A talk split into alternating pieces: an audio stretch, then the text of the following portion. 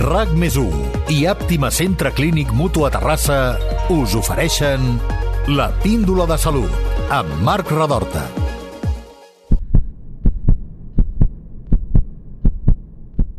Hi ha diferents motius que empenyen a les dones a fer-se un augment de pit. En molts casos perquè consideren que el seu pit és massa petit, però també hi ha situacions de desproporció entre dues mames o perquè arran d'una pèrdua de pes considerable o d'un embràs, els seus pits han quedat buits i han perdut molta consistència. Avui en dia la tecnologia permet afrontar aquestes intervencions amb molt pocs riscos i garantint uns resultats espectaculars.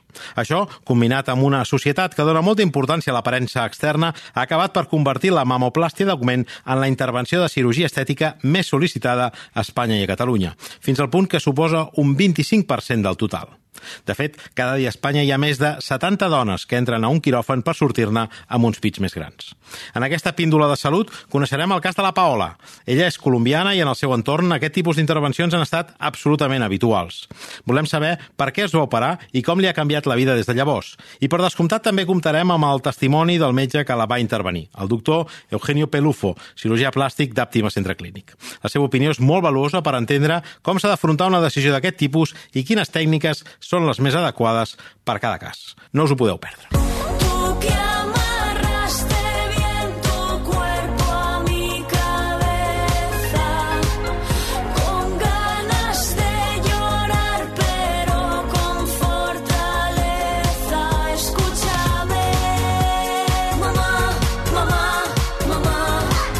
Paola, gràcies per acompanyar-nos en aquesta píndola de salut. Encantada, encantada de poder compartirlo. Molt bé. Quants anys tenies quan et vas començar a plantejar la possibilitat de fer-te un augment de pits? Tenía aproximadamente 36 años cuando comencé a valorar la posibilidad de aumentarme el tamaño y el volumen del pecho.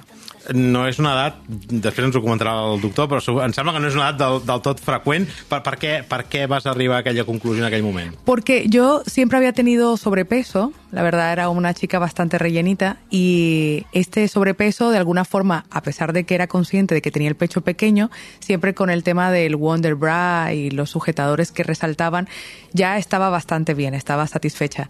Pero sufrí, o sea, me, me propuse la pérdida de peso y cuando esto ocurrió y fue sobre los 36 años, me di cuenta de que era tejido, era grasa lo que realmente eh, daba la forma a mi pecho y cuando esa grasa desapareció del cuerpo, no solamente había perdido lo que yo creía que era un pecho pequeño, no era así, realmente no tenía pecho y uno y un, un lado del pecho estaba además caído.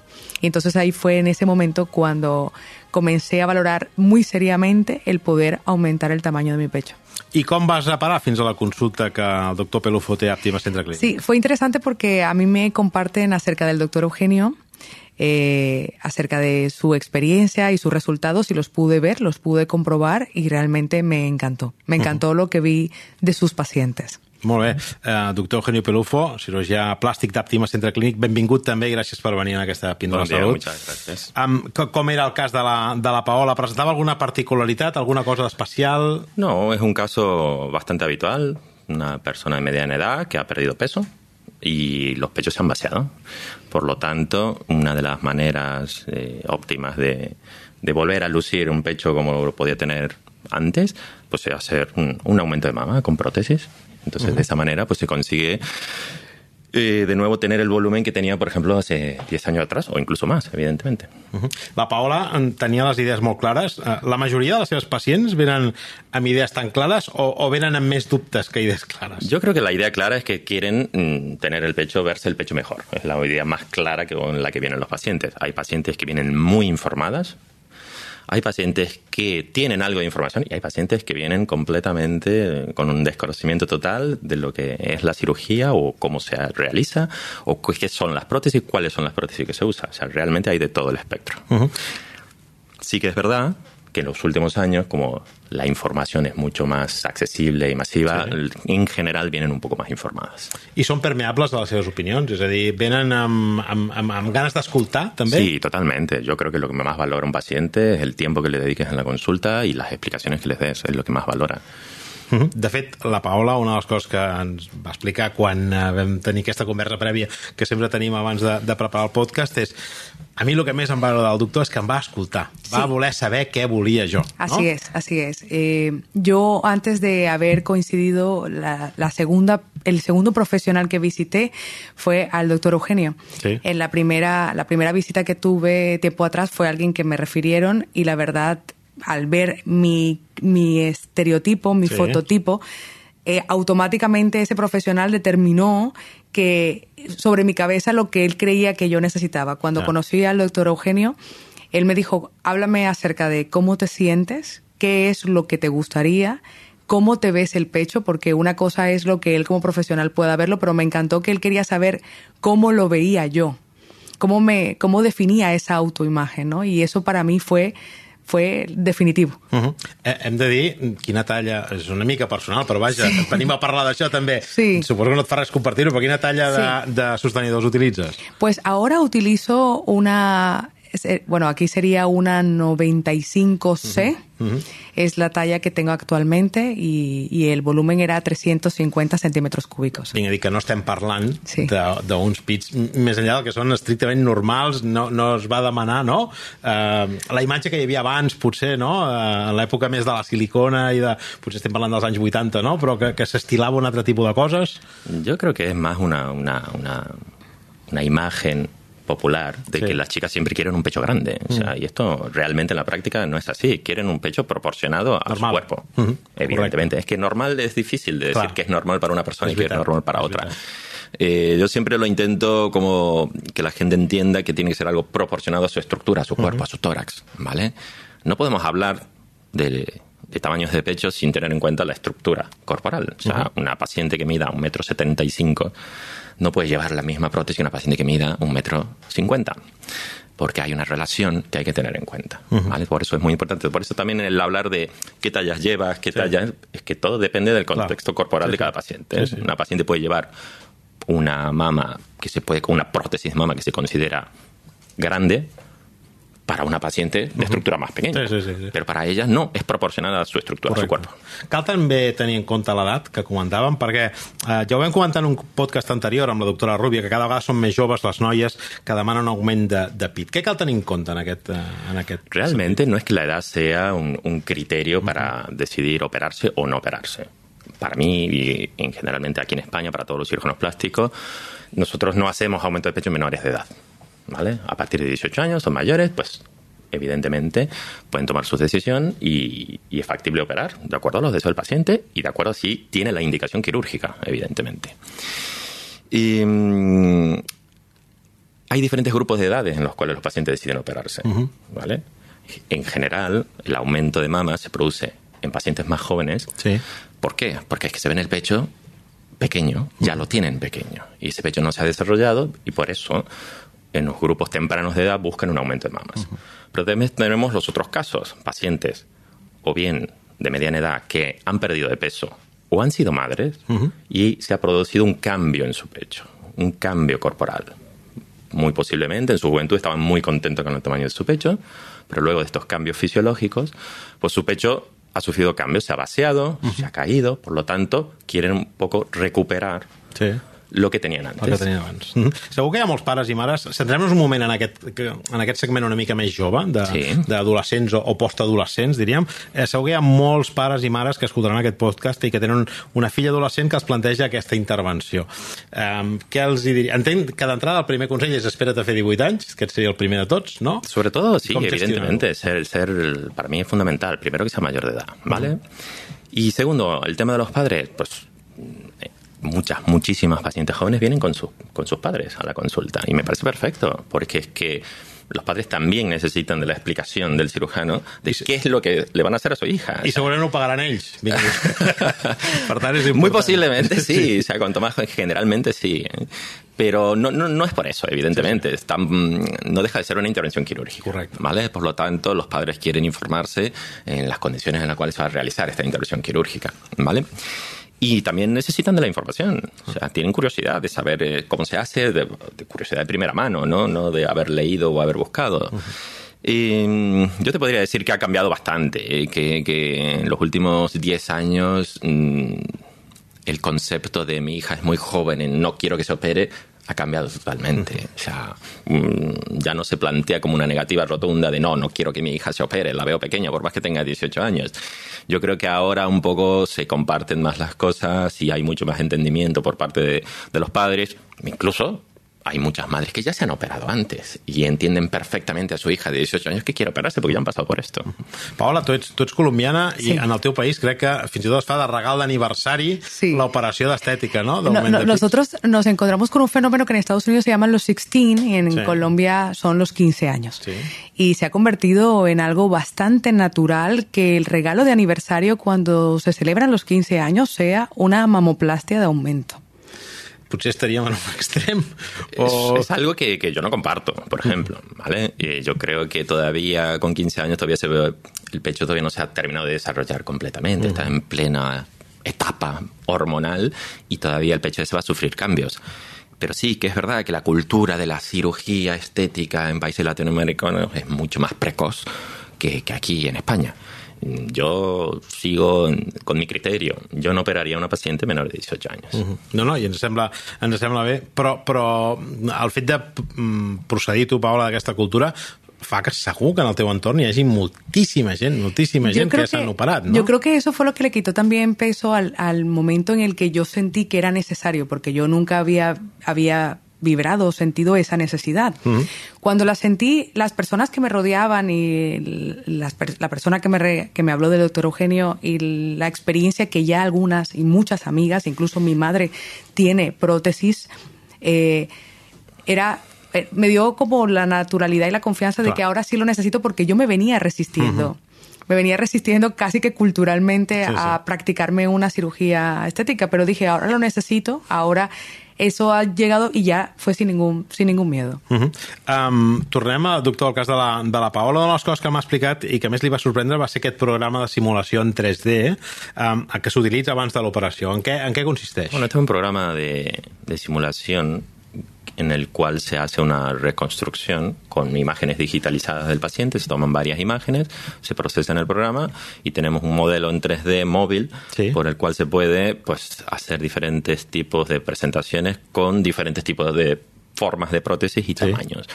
De cara al paciente es muy útil, es muy útil porque realmente es la única manera que el paciente puede visualizarse cómo sería su aumento de mama. Antes de hacerlo. Exactamente. y es muy similar a lo que es la realidad. No deja de ser una simulación, está claro, però se aproxima mucho a lo que és el resultat final. A veure, Paola, mm. confirma-ho. És s'assembla sí. al que et vas sí. veure a la pantalla del es, que es, veus ara en el mirall? Es perfecto. O sea, ¿Sí? es exactamente y fue exactamente igual como aparecía la simulación, porque no es sencillo asimilar cómo se verá tu cuerpo cuando ya estás acostumbrado a él a cuando ocurre el resultado. Uh -huh. Ten en cuenta que, que a los pacientes cuando vienen a la visita pues les mostramos fotos de otros pacientes operados. Ah. Por eso yo hago aquí, hay una herramienta que a mí me gusta mucho, porque es la forma en la cual el paciente puede verse él como claro. estaría, uh -huh. ella o él. Eh, por lo tanto, és muy, muy important en mi pràctica clínica. Uh -huh. eh, parlem ara de les, de les pròtesis. Eh, com, com estan fetes? Eh, he vist que també hi ha alguns casos que s'ofereix a fer-les amb el propi creix de la dona. Bueno, explica'm una mica quines, quines, bueno, realmente, quines alternatives hi ha. Las prótesis son, son de silicona, uh -huh. ¿vale? Tanto la cubierta como el, el, relleno son de silicona. Lo que sí hay una, una, una, gran diferencia con las prótesis que se usaban hace 20 o 25 años, uh -huh. ¿no? El, eh, la silicona que llevan actualmente las prótesis se denomina gel cohesivo de silicona. O sea, uh -huh. si partimos por la mitad de la prótesis, no empieza a caer un aceite espeso de silicona, vale. ¿no? Es un gel que mantiene su forma y es la gran diferencia que hay con las prótesis antiguas. Esto ha, ha supuesto pues, un, un, gran cambio en el tema de las prótesis, sobre todo por las posibles roturas de prótesis. ¿no? Uh -huh. eh, actualmente, mmm, con este tipo de prótesis, no significa que la prótesis no se pueda romper, ¿vale? Pero no existe la norma que había un poco instaurada también en la sociedad de que las prótesis había que cambiarlas cada 10 años. ¿vale? Uh -huh. Eso es algo que ha quedado, sobre todo por las prótesis antiguas, porque realmente sí que las prótesis antiguas sufrían un desgaste mucho mayor, ¿vale? Por fricción y se terminaban rompiendo y prácticamente si han pasado 10 años, si no se había roto los 10, al onceavo se rompía. ¿vale? Era muy común, mucho más común. Actualmente no es tan común la rotura de las prótesis y sobre todo si se rompen no se produce un desplazamiento de la silicona o es un desplazamiento muchísimo más lento en el tiempo. Por lo tanto, nos permite mucho más margen para detectar esta rotura i canviar les pròtesis. Uh -huh. I, I com ens hem d'imaginar una intervenció? Perdona, i havíem dit el, el tema, tema de la grasa. El tema sí, del greix. Sí, sí, sí. El tema de la grasa, realmente, actualmente, lo que ¿Sí? es la lipotransferencia, que es el pasar grasa de una parte del cuerpo ¿Sí? a otro, se utiliza muchísimo y tiene muy buenos resultados, ¿vale? Ah. ¿Y mm, se puede hacer aumentos de mama solamente con grasa del paciente? Sí, se puede. Tal vez no se pueden conseguir los mismos volúmenes con una prótesis mama, pero claro que se puede ganar una talla perfectamente solamente poniendo grasa del paciente. También es verdad que podemos hacer cirugías combinadas, o sea, híbridas. Ponemos una prótesis y terminamos de dar forma en alguna zona de la mama con la propia grasa del paciente, como terminar de modelar y dar un aspecto todavía un poco más natural. Por ejemplo, mm, utilizando la grasa. Uh -huh. um, com ens hem d'imaginar una intervenció d'aquest tipus? Desde el punto de vista ella estaba dormida, ella estaba dormida y no se me Yo un poco te, te puedo describir un poco el proceso, sí, ¿no? Sí, o sea, sí. el paciente el día de la cirugía, pues llega a la clínica, pasa a la, a la zona de prequirófano, donde se lo prepara, se pone su vía, se pone sus batas y a partir de ahí pasa ya con, con el anestesista. El anestesista, pues. ¿Es anestesia total? Anestesia general. ¿Anestesia general? La mayoría de los pacientes sí. hacen con anestesia general. Y el anestesista, pues, anestesia al paciente y, y ahí comienza la intervención quirúrgica, ¿no? Dependiendo de lo que se haya hablado en la visita sí. preoperatoria, pues la intervención quirúrgica se puede realizar por o por una cicatriz que se hace en la parte sí. inferior de la mama, donde está el surco, o por la areola. Uh -huh. Se separan los planos, se pone la prótesis, se sutura y se acabó la intervención. No, es, o sea, una, no es una intervención complexa. El aumento de mama no es una intervención de las más uh, técnicas, para decirlo uh -huh. así. O sea, evidentemente sí, hay sí, que dedicarse claro. a esto, ¿no? Para esto. Pero mm, es una intervención relativamente rápida. Uh -huh. ¿vale? Es una intervención que puede durar una hora, una hora y media. El paciente està operada. I acostumen i es fan el, els dos pits habitualment sempre, ¿eh? Sí, sí, no sí. sí. sí per una reconstrucció. Eh, exactamente. Estamos hablando, cáncer, aumento de mama siempre es bilateral, sí, ¿vale? Sí. sí que es verdad que puede pasar un paciente que sí, que haya tenido, por ejemplo, un cáncer de mama y haya hecho sí, una sí. reconstrucción mamaria y sea unilateral, pero mmm, más ahora también, muchas veces ya no son, no, bueno, la mayoría de las veces, no solamente nos limitamos, por ejemplo, uh -huh. en un cáncer de mama, a reconstruir una mama, sino a simetrizarla con la otra, Correcto. porque no solamente es importante que el paciente vuelva a tener una mama, sino que se parezcan entre sí. Correcte. Eh, Paola, devies passar aquestes una o dues hores al quiròfan i després què? Com va ser el postoperatori? El postoperatorio, la verdad, yo lo recuerdo sin ningún tipo de dolor. Uh -huh. Lo que sí tengo que decir que era como la sensación de tener los brazos como pegados y enganchados al, a los lados, ¿no? Igual el doctor Eugenio me había compartido que dentro de pocos días, cuatro o cinco días, ya podría comenzar a levantar los brazos perfectamente, que no habría ningún problema. Y, y, bueno, esa fue un poco, esa fue un poco como la sensación que percibí, pero dolor y molestia como tal no.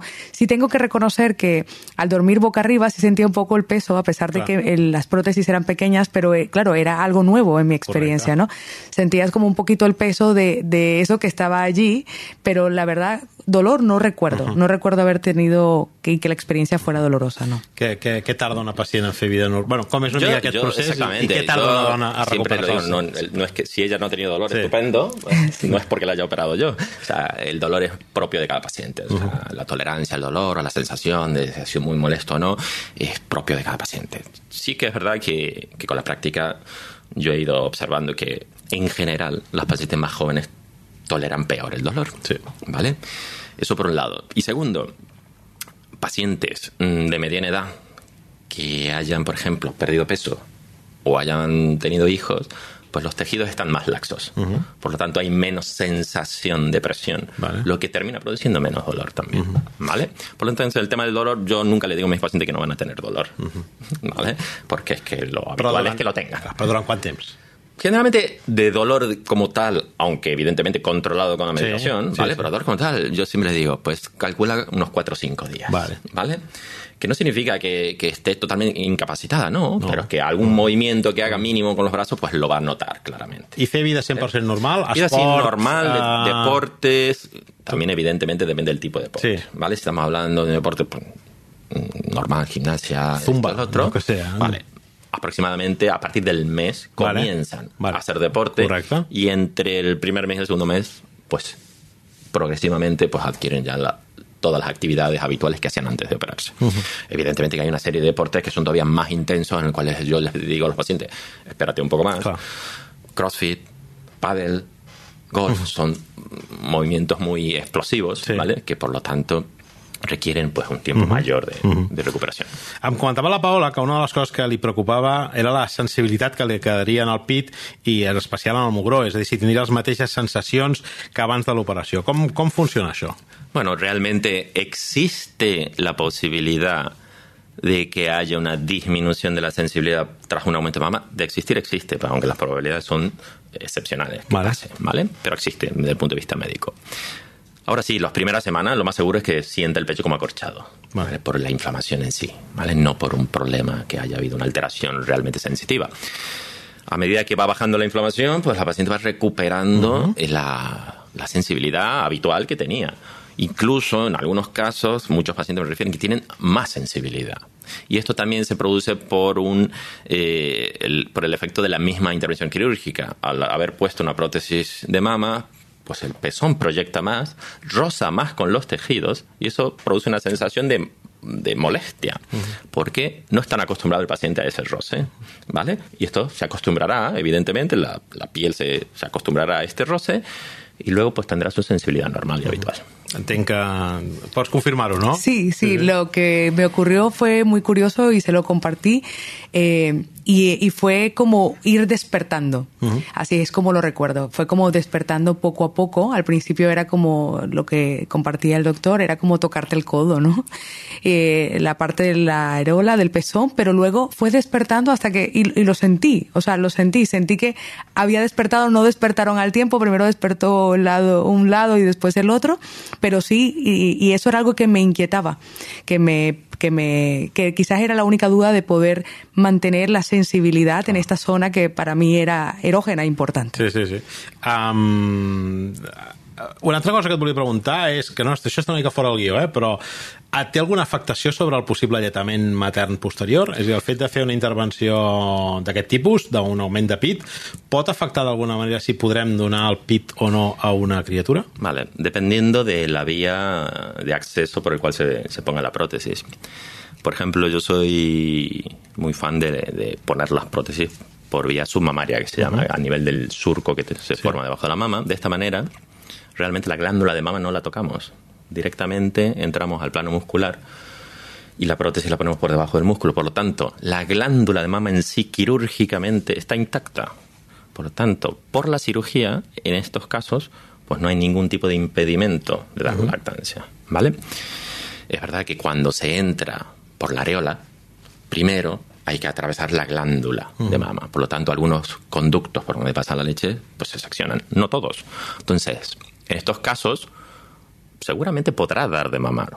Pero tenemos- ya sabemos que existen algunos conductos que están cortados. Ajá. ¿vale? Entonces, ahí está la, la- la diferencia. Si se toca en sí la glándula de mama o no. Ah, però per exemple, en el seu cas ella En su no, caso, no no. hauria de notar absolutament res, no? No, no sé si quiere ser mamá. No. No sé, es que no sé si ho és o no. No, no, no, sé si no, no o soy, no, si- soy, no soy madre, pero, pero sabía, y eso lo sabía porque, claro, Sí. tengo amigas eh, de origen de Colombia que han sido madres y que tenían las prótesis mamaria y han dado de lactar a sus hijos sin ningún inconveniente. I una última pregunta relacionada amb el tema de les afectacions o, o, o, o no que pugui tenir aquest tipus d'intervencions. Càncer de mama. Mm, Pot d'alguna manera eh, ajudar o no o, o, o a impedir que es eh, reprodueixi un càncer de mama o no té No hay, res a veure? no hay ningún estudio científico que haya relacionado el llevar prótesis de mama con el cáncer de mama en sí. Vale. Realmente no lo hay. Ajá. que, que diga que esto favorece a tener un cáncer de mama. Ni que lo impida. No, no, para nada, ni que tampoco, no tiene nada que ver. que si t'ha de tocar, et tocarà, Exactamente, operat eso o no es lo t'hagis que operat. se eh? explica al paciente. Molt bé. Doncs ja anem acabant. Paola, com, quan, quan fa que et vas fer l'operació? En el año 2019, justo antes de la, pandemia. Justo Com, antes. com han passat 3 anys? 4? Sí, com, quatre. Et, com et veus? Com et sents? A mí me encanta. Tengo que decir que esta, esta operación me devolvió mucho amor propio, mejoré mi autoimagen, sobre todo en el tema de la desnudez, porque ya venía haciendo un trabajo con mi cuerpo y la verdad me hacía muchísima ilusión eh, tener otro tipo de, de, Yo lo que quería no era quería una mamá grande, quería realmente un escote que se viese natural, tener lo que las mujeres buscamos, que es como el canalillo, ¿no? En el escote y poder lucirlo no para otras personas, sino realmente era un cambio que quería para mí.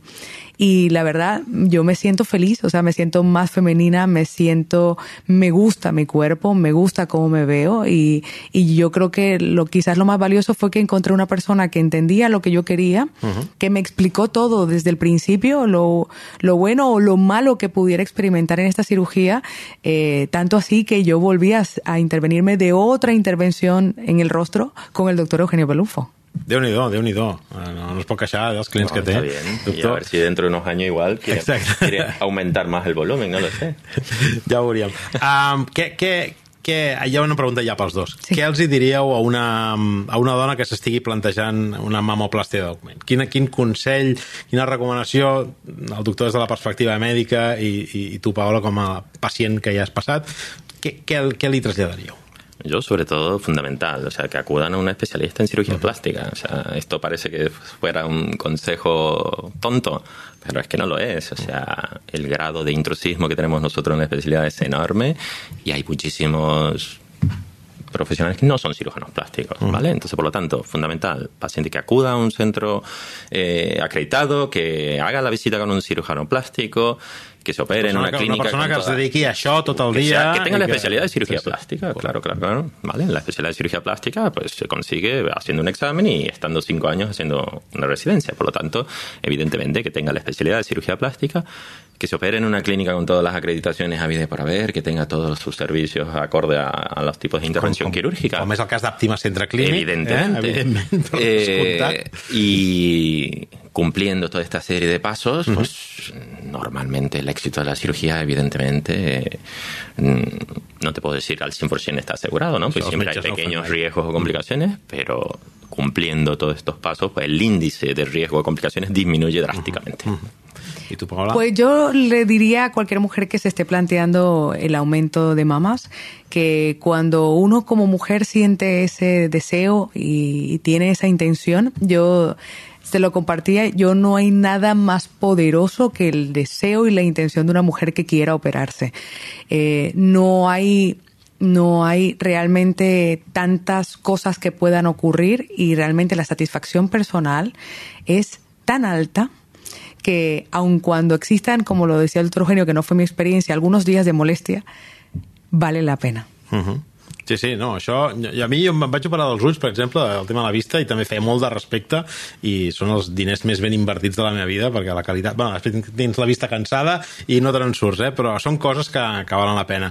Eh, heu vist que la Paula s'explica molt bé, i és perquè també també es dedica al món de la ràdio, m'has explicat, sí. que feu un programa, explica'ns una mica, eh, és un programa... Es un programa que está hecho para la comunidad latinoamericana ¿Sí? a nivel nacional en España, que se llama, la plataforma se llama La Movida Latina, ¿Sí? y el Morning Show se llama El de la Mañana. I tu ets la presentadora del Morning Show. Sí, soy Veus? conductora del Morning aquest Show. Pod, aquest podcast l'hauria pogut fer ella tranquil·líssimament. Uh, doctor Eugenio Pelufo, um, cirurgia plàstic d'Àptima Centre Clínic i Paola, pacient del doctor Pelufo. Moltes gràcies per venir, per explicar-nos personalment com és una intervenció d'aquest tipus i com la viu la dona que surt del quiròfan amb un pit com el que sempre havia volgut. Moltes gràcies i fins la propera. Muchas gracias.